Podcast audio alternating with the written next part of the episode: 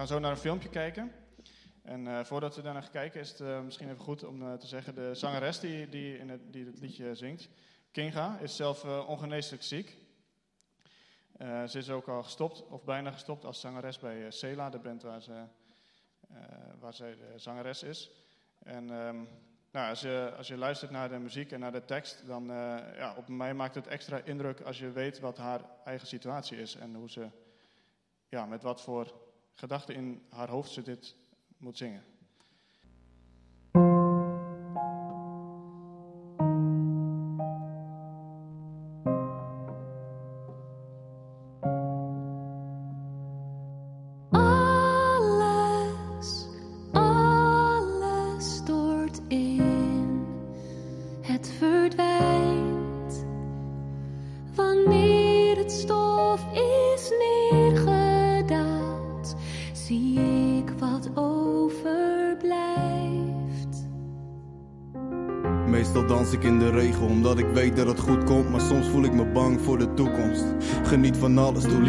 Liever alles te veel dan te weinig. Maar soms lijkt het leeg als ik twijfel. Voel me op met de vragen die hij stelde. Vrienden die me belden, zo van pak het anders aan, broer. Al die adviezen, ik weet het is liefde. Maar alles wat ik loslaat, ben ik bang om te verliezen. Dus ik geef honderd, leef zonder rust in mijn donder. Op een dag is het allemaal voorbij, dus bestorm het. En tegelijkertijd denk ik kalm aan genieten. Pak je kleine meid vast en geef honderd in de liefde. Want straks is het allemaal voorbij, wat dan? Ik wil God, mijn familie en de rest tweede rang. Dus ik bel erop en zeg lief, ik zie je straks. Dank God voor elke zegen die hij gaf.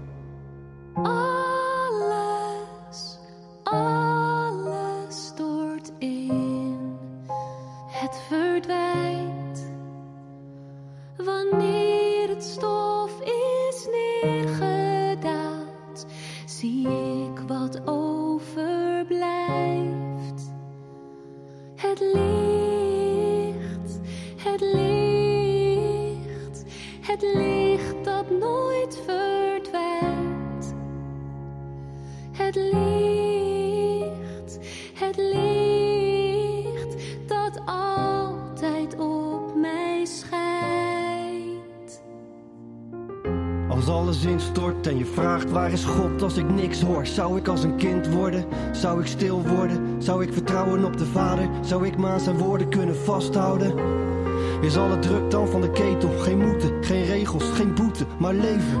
Alles is zwart tot het stof neerdaalt. Het licht weer straalt, maar veel sterker dan eerst. Sterker nog, ik merk het nu pas. Hoe erg ik me hechtte aan de zekerheid en noemen dat belemmerde. En dan komt het besef het is een kwestie van vertrouwen, een kwestie van niet vasthouden. Ik denk aan mijn trouwdag en hou toch nog even vast aan de dag dat ik jou zag geboren worden. Om me heen wordt het leeg. Ik dank God voor het mooiste dat ik kreeg.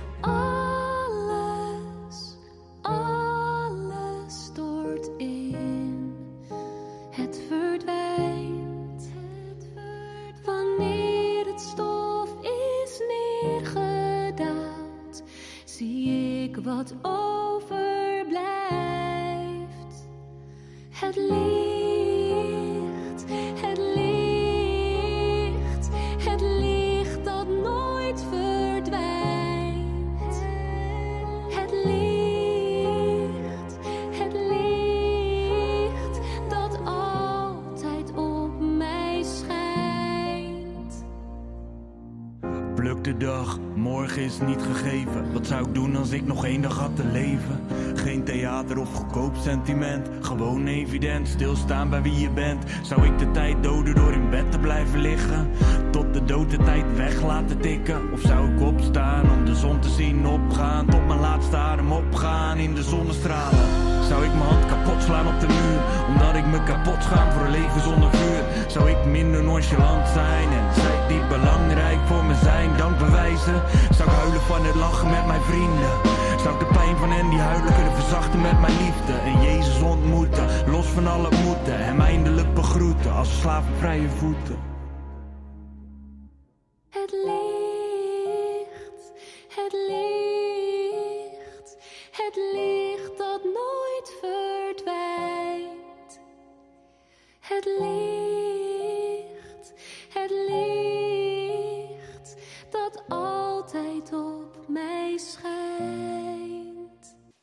Indrukwekkend eh, lied. Heel mooi. eh, ook als je weet wat Teunis vertelde, hè, dat, eh, dat de dame die het zingt, dat die zelf ernstig ziek is. En dat ze zingt over het lied, het licht dat nooit, nooit zal verdwijnen. Vandaag eh, gaan we verder met het tweede deel van de serie over twijfel. Een serie over onderwerpen, over grote vragen die mensen hebben als het gaat over het bestaan van God. Over geloof, over kerk. Waardoor mensen twijfelen. En ik heb de vorige keer al in mijn inleiding op deze serie gezegd dat het goed is om na te denken over waarom je gelooft. Waarom geloof je in God? Zeker in onze maatschappij. God roept ons op om Hem te aanbidden met heel ons hart, met heel ons ziel, maar ook met al ons verstand. Dus we moeten vooral niet hier bij de deur ons verstand parkeren en, en iets beleven met elkaar. We mogen over nadenken. En we mogen lastige vragen stellen. En vandaag komt zo'n lastige vraag terug. Lastige vragen die we mogen stellen aan God. Zolang we maar eerlijk zijn. Er was een meneer die, eh, die had gevraagd, een hoop mensen, stel dat je één vraag aan God mocht stellen. Eén vraag. En je wist dat je op die ene vraag antwoord kreeg. Wat zou je dan aan hem vragen? Wat, wat zou jij aan hem vragen als je één vraag mag stellen aan God? Hij heeft daar een boekje over geschreven, over allerlei vragen die mensen hebben. Maar eentje kwam echt als nummer één uit de bus. En dat is het probleem van het lijden. Waarom staat God toe dat mensen lijden? Dat er ellende is op de wereld. Dat er verdriet is. En misschien herken je dit zelf ook, hè? Als je s'avonds thuis komt om acht uur en je zet het journaal aan. En er komen beelden van mensen die verschrikkelijke dingen meemaken. Het is iedere dag. Je kan iedere dag om acht uur het nieuws aanzetten en er komen verschrikkelijke beelden op je af. 305 doden bij een aanslag. 12 kinderen daarbij. Mensen die te maken hebben met, met honger, met sterfte, ziekte, met oorlog, met geweld. Maar ook veel dichter bij huis, hè? niet alleen op het journaal. In je eigen familiekring, in je eigen vriendenkring. Krijg je er ook mee te maken met ziekte, met ellende, met onrecht. Geliefden die veel te vroeg sterven. En wat doet dat met je? Wat gaat er in je om? Waar, waar ga je dan naartoe? Afgelopen zomer, ik denk de meeste van jullie weten dit, reed er een busje met Eindhovense jongeren terug uit Oekraïne. Waren op zendingsreis. Die gingen daar mensen helpen in de naam van Jezus. Dat deden ze niet omdat ze te veel zomervakantie hadden. Dat deden ze niet omdat ze daar geweldig rijk van werden. Ze hebben een zomervakantie opgeofferd om God te dienen daar in zo'n land, in Oekraïne. En op de terugweg in Duitsland knalt de busje tegen de vangrail, vliegt over de kop. En één jongen overlijdt, Tim. 19 jaar. En toen ik dat hoorde, had ik één vraag. Eén heel dringende, boze vraag. God, waarom? Waar was u? Waar was u? En misschien herken je dat. Misschien heb je dat ook wel, dat je die vraag hebt, God, als u er al bent. Maar misschien geloof je helemaal nog niet in God en zit je hier, ben je meegenomen door iemand. Als u er al bent, als u al bestaat. Want daar begin ik nu aan te twijfelen. Hoe heeft u dit kunnen laten gebeuren? Waarom? Het is dezelfde vraag waar we de dienst mee begonnen zijn. Het was Sarah voorgelezen, waar we net een lied over gezongen hebben. Psalm 13, een pijnlijk lied, al 2500 jaar oud. Heer, vergeet u mij voor altijd. Hoe lang nog blijft u zich verbergen? Waar bent u? Hoe lang nog blijft mijn hart vol zorgen? Hoe lang blijf ik dag en nacht verdrietig? Hoe lang nog blijven mijn vijanden sterker dan ik? Heer mijn God, zie mij en geef antwoord. Geef antwoord. We zoeken naar antwoorden. En deze psalm laat zien, dit lied, dat het heel normaal is om deze vragen naar God toe te mogen brengen.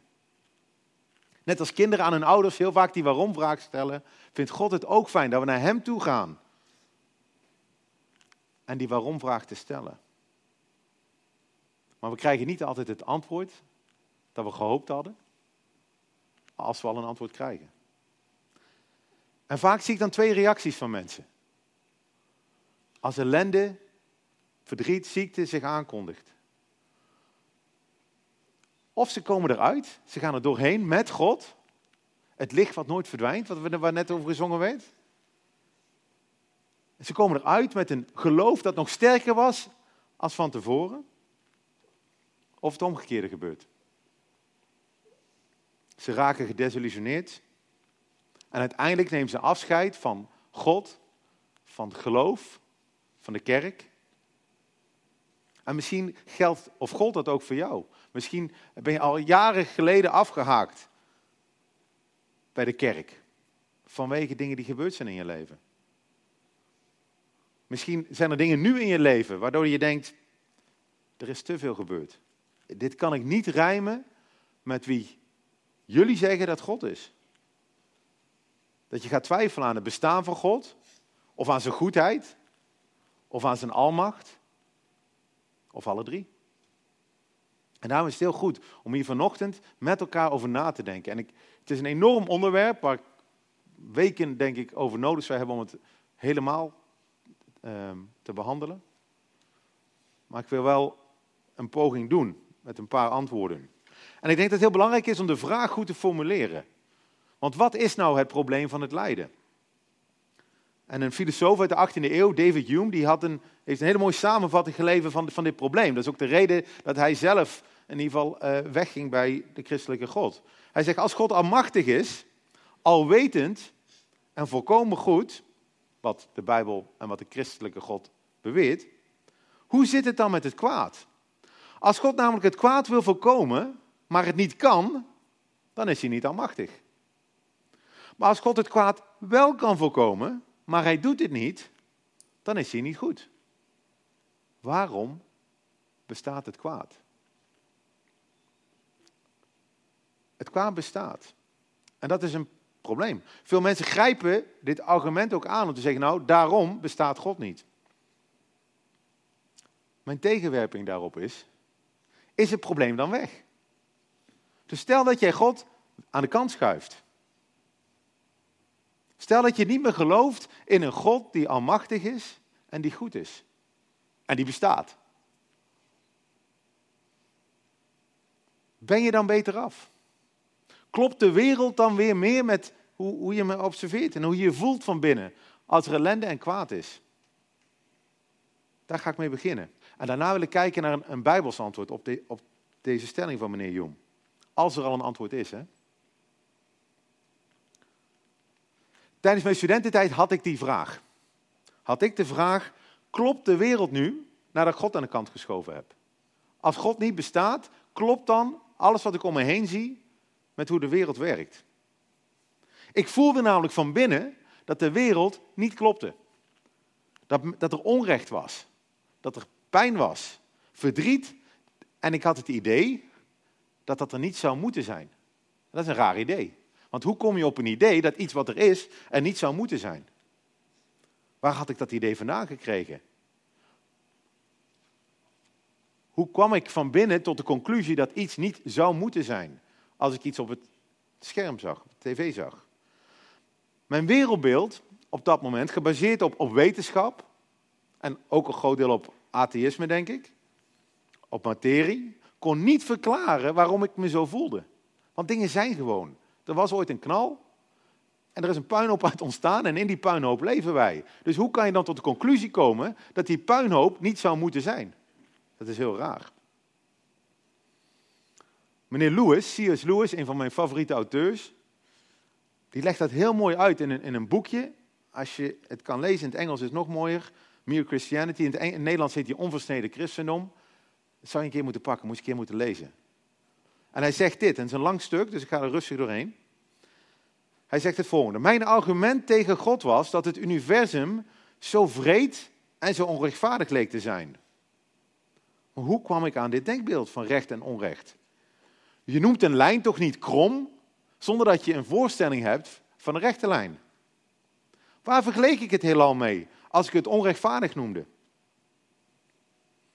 Als het, om het zo te zeggen, van A tot Z een zinloze vertoning was, waarom bleek ik, die geacht wordt een deel van deze vertoning te zijn, er dan zo hevig tegen in opstand te komen?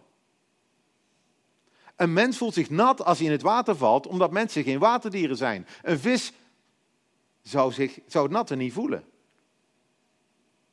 Natuurlijk had ik mijn idee van rechtvaardigheid los kunnen laten, door te zeggen dat het alleen maar een persoonlijk idee van mijzelf is.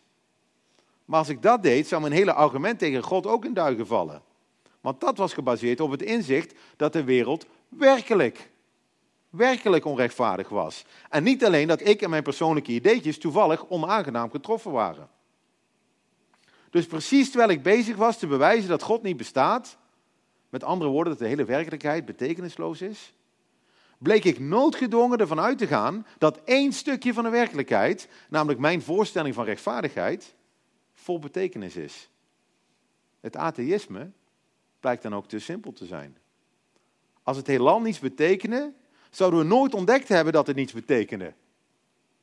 Net zoals in een heelal zonder licht en dus zonder wezens met ogen, nooit zouden weten dat het donker was. Donker zou daar een woord zonder betekenis zijn. Dat zou een keer terug moeten lezen. Maar hij zegt, door het ontkennen dat God bestaat, kom je op een veel groter probleem uit. Namelijk dat je zelf voelt dat iets onrechtvaardig is, maar je hebt in één keer geen basis meer om dat te voelen. Waar komt dat vandaan? Wie heeft jou gezegd dat lijden niet zou moeten zijn?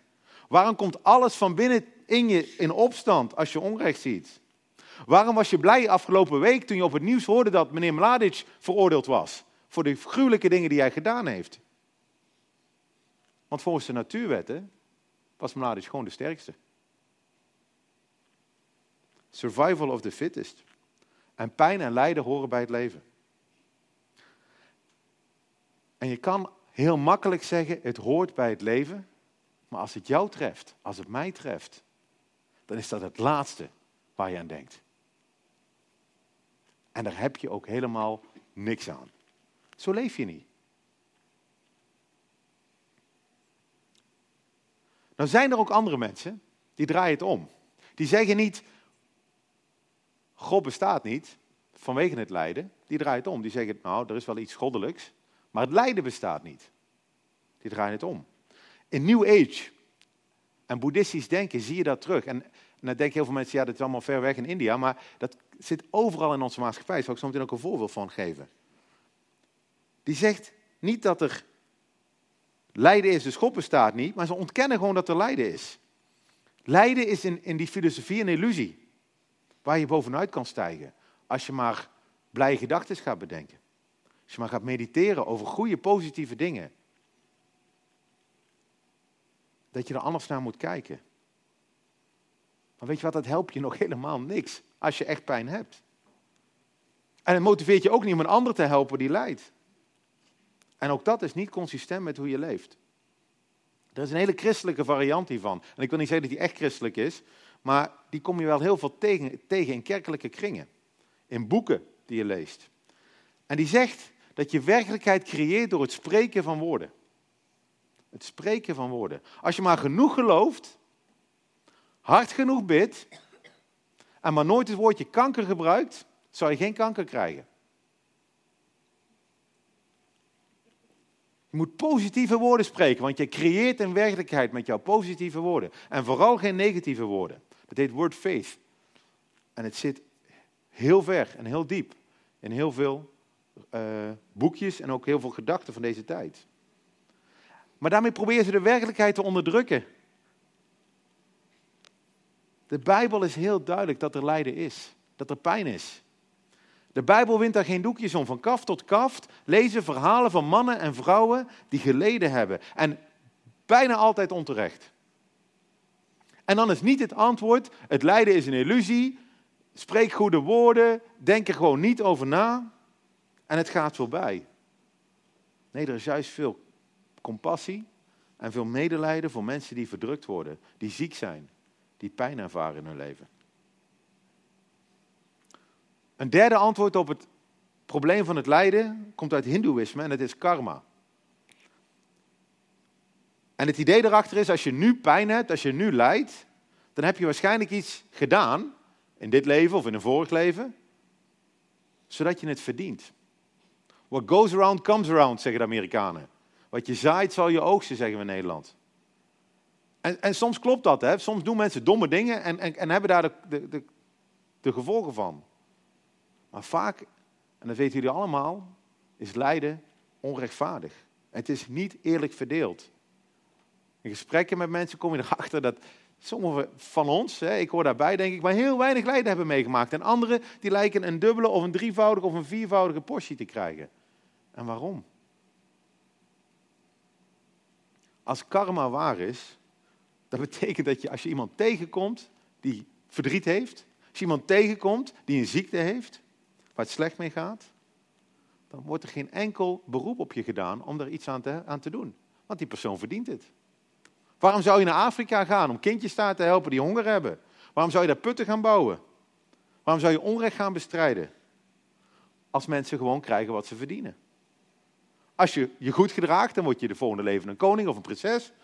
En als je slecht gedraagt, ja, dan word je naar Afrika gestuurd. Of naar India.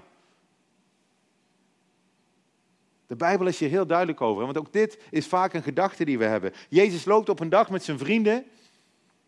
En ze komen langs een blinde man. Die blind was vanaf zijn geboorte. En de eerste vraag die zijn vrienden stellen is: Rabbi, wie heeft er gezondigd? Wie heeft iets fout gedaan? Hij of zijn ouders? Ze zien het als een straf, hè?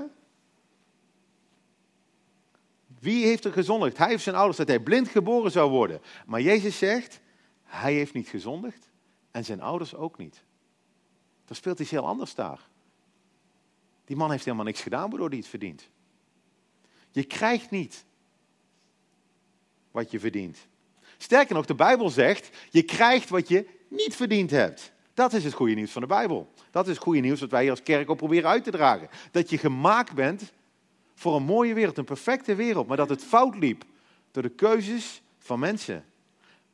En daardoor is het niet alleen de wereld ellendiger geworden, doordat mensen foute keuzes blijven maken, oorlog, pijn, elkaar verdriet doen, maar dat ook de natuur tegen ons keert. Dat er ziekte is, stormen, enge beestjes, doornen, dissels, overstromingen, natuurrampen. Omdat de natuur niet meer werkt zoals hij zou moeten werken. Maar het goede nieuws is dat God, Jezus, zijn zoon gestuurd heeft om dit recht te zetten. Om het kwaad dat er echt bestaat, dat werkelijk is, te overwinnen. En niet omdat wij zo braaf zijn, niet omdat wij zo geweldig, niet omdat wij het verdienen, niet vanwege karma, maar omdat Jezus het zelf ondergaan heeft en het verdiend heeft voor ons. En dat verklaart ook waarom er in ons nog steeds een plek is dat verlangt naar zo'n perfecte wereld. Dat het uitschreeuwt als we onrecht zien. Omdat we een moreel kompas gekregen hebben, maar ook omdat we gemaakt zijn voor een perfecte wereld. De grap is, we weten allemaal heel goed wat wel en niet kan, maar we gedragen ons niet zo. Als iemand met een boekje jou volgt de hele dag, dan komt hij erachter dat je in tegenstrijd leeft met wat je gelooft. Je zegt mensen moeten niet stelen, mensen moeten niet voordringen. Maar als ze jou de hele dag zouden achtervolgen, dan zijn er momenten dat jij, natuurlijk met goede redenen, die regels, je eigen regels overtreedt. Maar het mooie is, er komt de dag ook die natuur, ook die ziektes, ook onszelf, onze eigen, het zelf overtreden van die regeltjes, dat alles weer op orde gebracht worden. Een dag zonder pijn, een dag zonder verdriet en zonder lijden. En, en dat is het christelijke verhaal. Nou kan je natuurlijk die verhalen naast elkaar leggen. Het boeddhistische verhaal, het hindoeïstische verhaal, het atheïstische verhaal, het christelijke verhaal. En de vraag is dan, wat is waar? Wie heeft gelijk? Ze kunnen niet allemaal gelijk hebben. Welk verhaal klopt nou het meest met de werkelijkheid zoals jij die ziet? En je bent vrij om te kiezen, maar ik ben tijdens mijn studententijd tot de conclusie gekomen dat de andere verhalen geen oplossing bieden in de momenten dat ik het juist het hardst nodig heb. Natuurlijk, als het geweldig met mij gaat, dan is het heel fijn als er geen God is. Dan is het heel fijn dat ik kan zeggen, oh, dat heb ik zelf verdiend. Maar op momenten dat het slecht gaat, is dat moeilijk. Kunnen we dan redenen bedenken, als God dan wel bestaat, en als hij misschien wel goed is en misschien ook almachtig, waarom er wel lijden is? Waarom zou die God niet al het lijden weghalen? Is er, is er een nut, is er een doel met het lijden? Want de aanname die we vaak hebben is dat God al het lijden in de wereld weg moet halen. Maar is dat zo? Ik heb drie redenen om te denken dat dat niet zo is. Misschien heb ik wel zelfs wel meer, maar ik heb er nu vanochtend drie. En de eerste is, stel dat er uit slechte dingen die gebeuren, goede dingen gebeuren. En stel dat die goede dingen groter zijn dan het slechte. Bijvoorbeeld, vroeger met mijn kinderen moest ik inentingen halen. Dat was niet leuk. Zit je met zo'n kindje op je, op je, op je schoot, hè? die waren heel klein, die waren zo babytjes of nog of peutertjes. En dan moet je naar die, die dokter en die heeft dan zo'n naald en dan moet er in dat kind gestoken worden. En dat kind, dat is verschrikkelijk. En dan kijkt dat kind naar mij en die zegt, ja, wat, ben je me nou aan het doen? Dat zeggen ze niet, schreeuwen gewoon heel hard. Dit kleine kwaad, dit kleine moment van pijn, weegt op, in mijn opzicht, tot een groter goed. Namelijk dat ze later niet een heel ernstige ziekte krijgen. Dat moment deed mij trouwens meer pijn, denk ik, dan het kind zelf. Hè? Maar ik wist dat het beter was. Ik wist dat het beter was. Ja, zeggen mensen dan. Als dat zo is, ja, dan in sommige situaties, als een groter goed is, dan mag God wat lijden toestaan. Maar al het nutteloze lijden, dat moet God stoppen. En ik voel daarin mee. Ik, wil ook God, al het nutteloze lijden, haal het weg uit de wereld. Want soms lijkt het lijden zo nutteloos. Maar, soms luistert hij niet naar mijn advies. Dat is heel raar. Zeg, God, waarom stopt u niet deze pijn? En dan doet hij het niet. Maar de vraag is, wanneer is het nutteloos? Wanneer is het lijden doelloos? Als, als Maarten van Gestel het niet begrijpt? Als jij het niet snapt? Kan het zijn dat God goede redenen heeft als wij die niet zien? En dat is heel lastig. Dat is ook geen antwoord op het moment dat je in de pijn zit. Maar zou het zo kunnen? Er is een boek in de Bijbel, een heel boek die gaat over lijden. Het boek van Job. Job die zijn, zijn kinderen verliest. Allemaal op één dag. En na 38 hoofdstukken over praten en filosoferen met zijn vrienden over waarom dit gebeurd is, krijgt hij één antwoord van God. En het antwoord is niet het antwoord wat hij wilde. God zegt niet, Job, hier in deze e-mail tien redenen, daarom zijn je kinderen dood en daarom is dit gebeurd. Sorry dat ik jou niet geconsulteerd had, sorry dat ik jou niet van tevoren even gevraagd heb of ik dit mocht doen. Hij vraagt aan Job, waar was jij, Job, toen ik de hemel en aarde schiep? Waarmee hij bedoelt, snap jij niet, Job, dat als ik God ben, dat ik iets meer begrijp dan jij. Dat ik de hemel en aarde gemaakt heb, dat ik het overzicht heb. Dat ik weet wat ik aan het doen ben. En Job, wil je mij daarin vertrouwen? Ik weet wat ik aan het doen ben, zegt God. Ook al lijkt het vanaf jouw perspectief dat het niet zo is. Heeft God een groter plan met het lijden? Dat help je nogmaals helemaal niet. Dit is geen pastoraal antwoord dit. Hè? Dit is een zondagochtend preekantwoord. Niet als ik naast je zit en je hebt pijn. Maar misschien wel als je terugkijkt naar momenten in je leven dat het moeilijk met je ging. Ik weet uit eigen ervaring, en misschien jullie ook wel, dat lijden en pijn juist ons leven kunnen veranderen ten positieve. Wanneer heb ik het meest geleerd? Wanneer is mijn karakter het meest gevormd? In de, in de happy momenten van mijn leven? Of in de, in de dalen? Karaktervorming gaat door de dalen, niet door de pieken. En dat vinden we helemaal niet leuk. Er is een meneer die heeft uh, nog niet zo lang geleden een boekje geschreven, Malcolm Gladwell. Die schrijft boeken voor, uh, voor, voor bedrijven. Over, uh, en die doet heel veel onderzoek. En heeft heel veel hele leuke boeken Ook fijn om te lezen. Hij heeft een boekje gelezen laatst, het heet David en Goliath. Ik dacht, hé, hey, dat is raar, want hij is, hij is voor mij geen christen, maar uh, het was heel interessant. Dus ik, heb een boekje gepakt. En hij is gaan kijken waarom succesvolle mensen succesvol zijn. En waar kwam hij achter tijdens een onderzoek? Dat één op de drie succesvolle ondernemers in Amerika dyslectisch zijn. Dat is grappig. Want dyslectisch zien wij vaak op, de, op school als een, als een handicap. Dan moet je dingen, krijg je meer tijd bij je, bij, bij, bij bij je toetsen. Het is, is moeilijker om te lezen. Hoe kan het dan één op de drie van de ondernemers, dat is veel meer dan het gemiddelde van, van, van, van, uh, van de populatie, dyslectisch is? En hij zegt dit.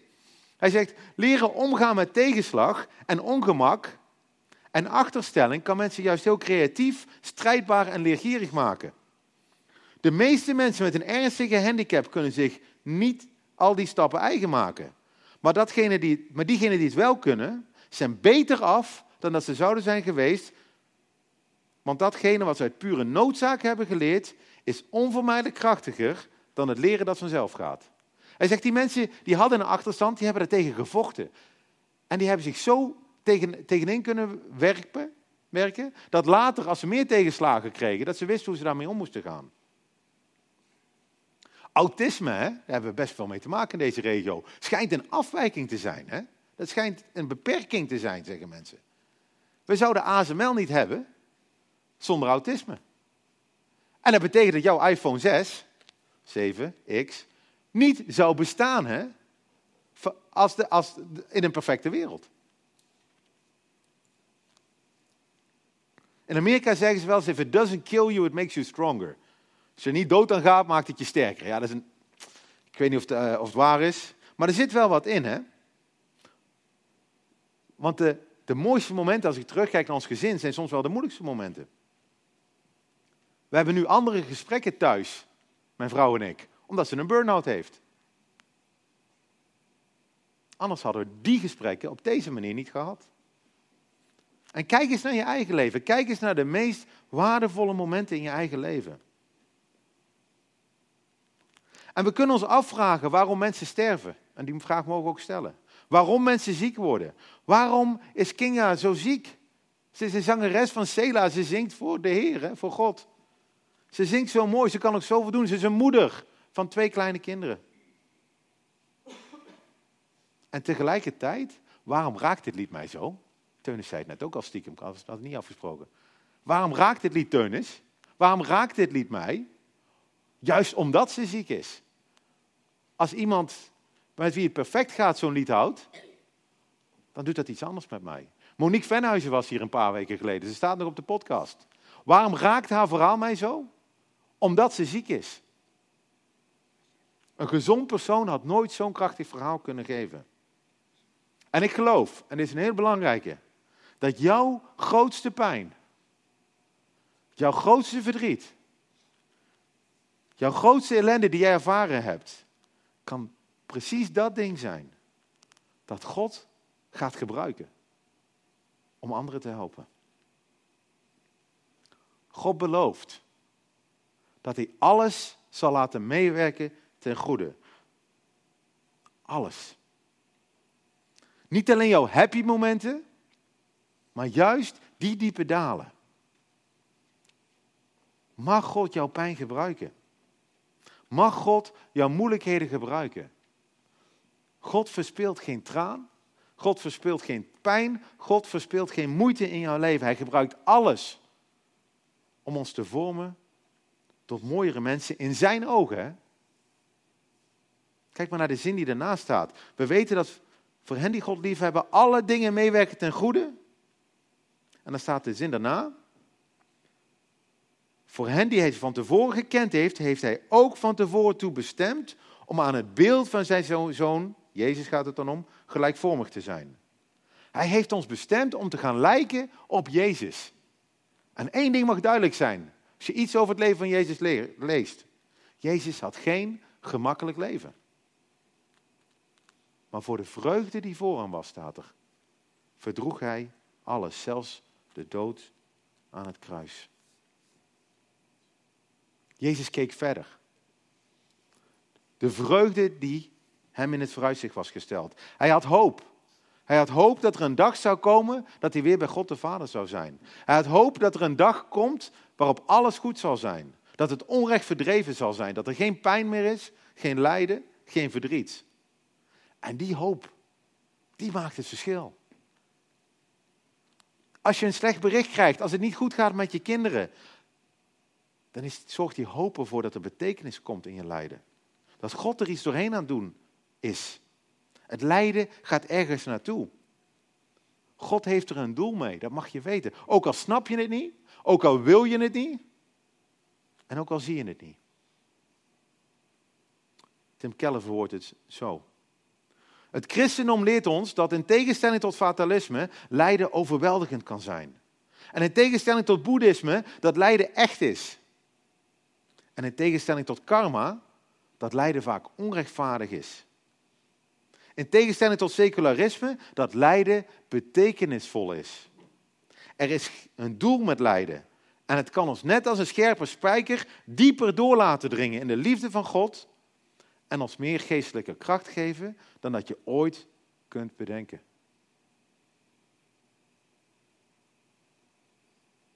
Waar ga jij naartoe als je pijn hebt?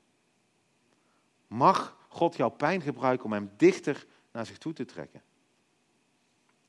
Kijken naar terug, even terug naar die psalm waar we mee begonnen.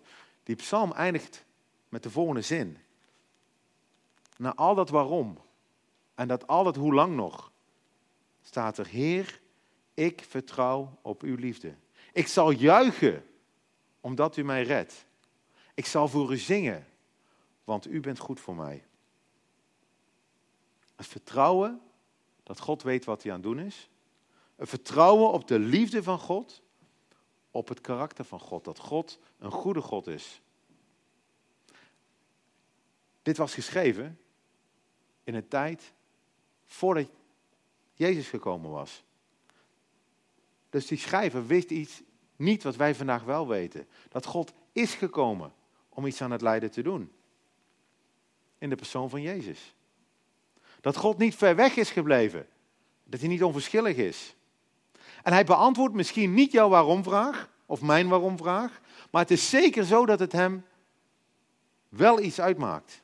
Kijk maar naar het kruis. Kijk naar het kruis. Alles wat je nodig hebt is daar. Heb je een dierbare verloren? Kijk naar het kruis.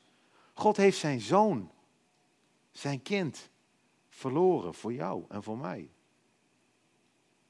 En er is hoop op een toekomst waar je je dierbare weer zien zal, dankzij Jezus.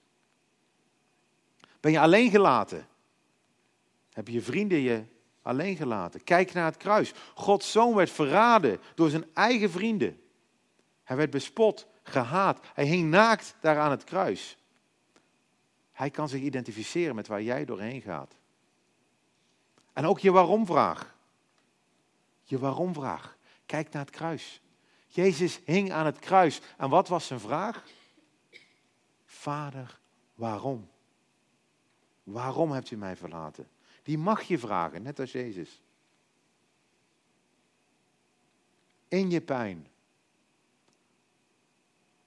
kan je van hem afdwalen? Ik denk niet dat dat je gaat helpen. En daarom de oproep, ga naar hem toe.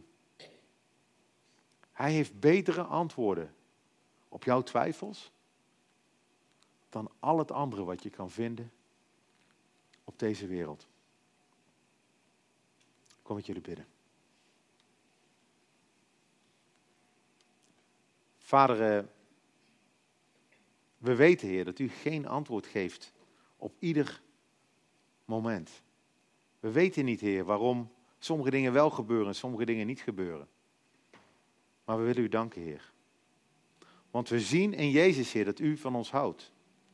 Dat u gekomen bent om te lijden en te sterven. En ik bid voor ons allemaal vandaag, voor mij en voor iedereen die hier zit, dat we u nabij voelen waar we ook doorheen gaan. Want we weten, Heer, dat u er ook doorheen bent gegaan. Geef ons hoop. Geef ons kracht. Voor iedere dag, Heer. Om het lijden aan te kunnen. Help ons, Heer, om te vertrouwen op uw liefde, juist op die momenten dat het zo moeilijk is. En help ons om net zoals die psalmist net schreef, om te juichen op die momenten als we het echt niet kunnen. En om te zingen, ook als we niet willen zingen. Want u bent goed voor ons. Amen. Ik wil eindigen met, met, met een, een, laatste zin uit een, nog een psalm, een andere psalm. En dat is de hoop die we hebben.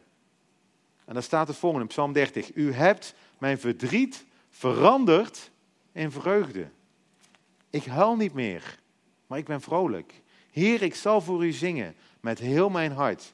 God, ik zal niet zwijgen, ik zal u altijd prijzen.